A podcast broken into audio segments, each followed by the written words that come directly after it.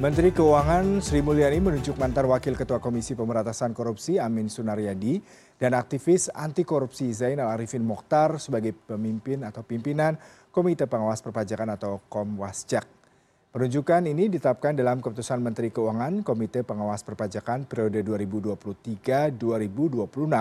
Pelantikan tujuh anggota Komwasjak ini terdiri dari ketua merangkap sebagai anggota, yaitu Amin Sunaryadi, Sunaryadi menggantikan mantan Wakil Menteri Keuangan Mardiasmo yang telah habis masa kerjanya.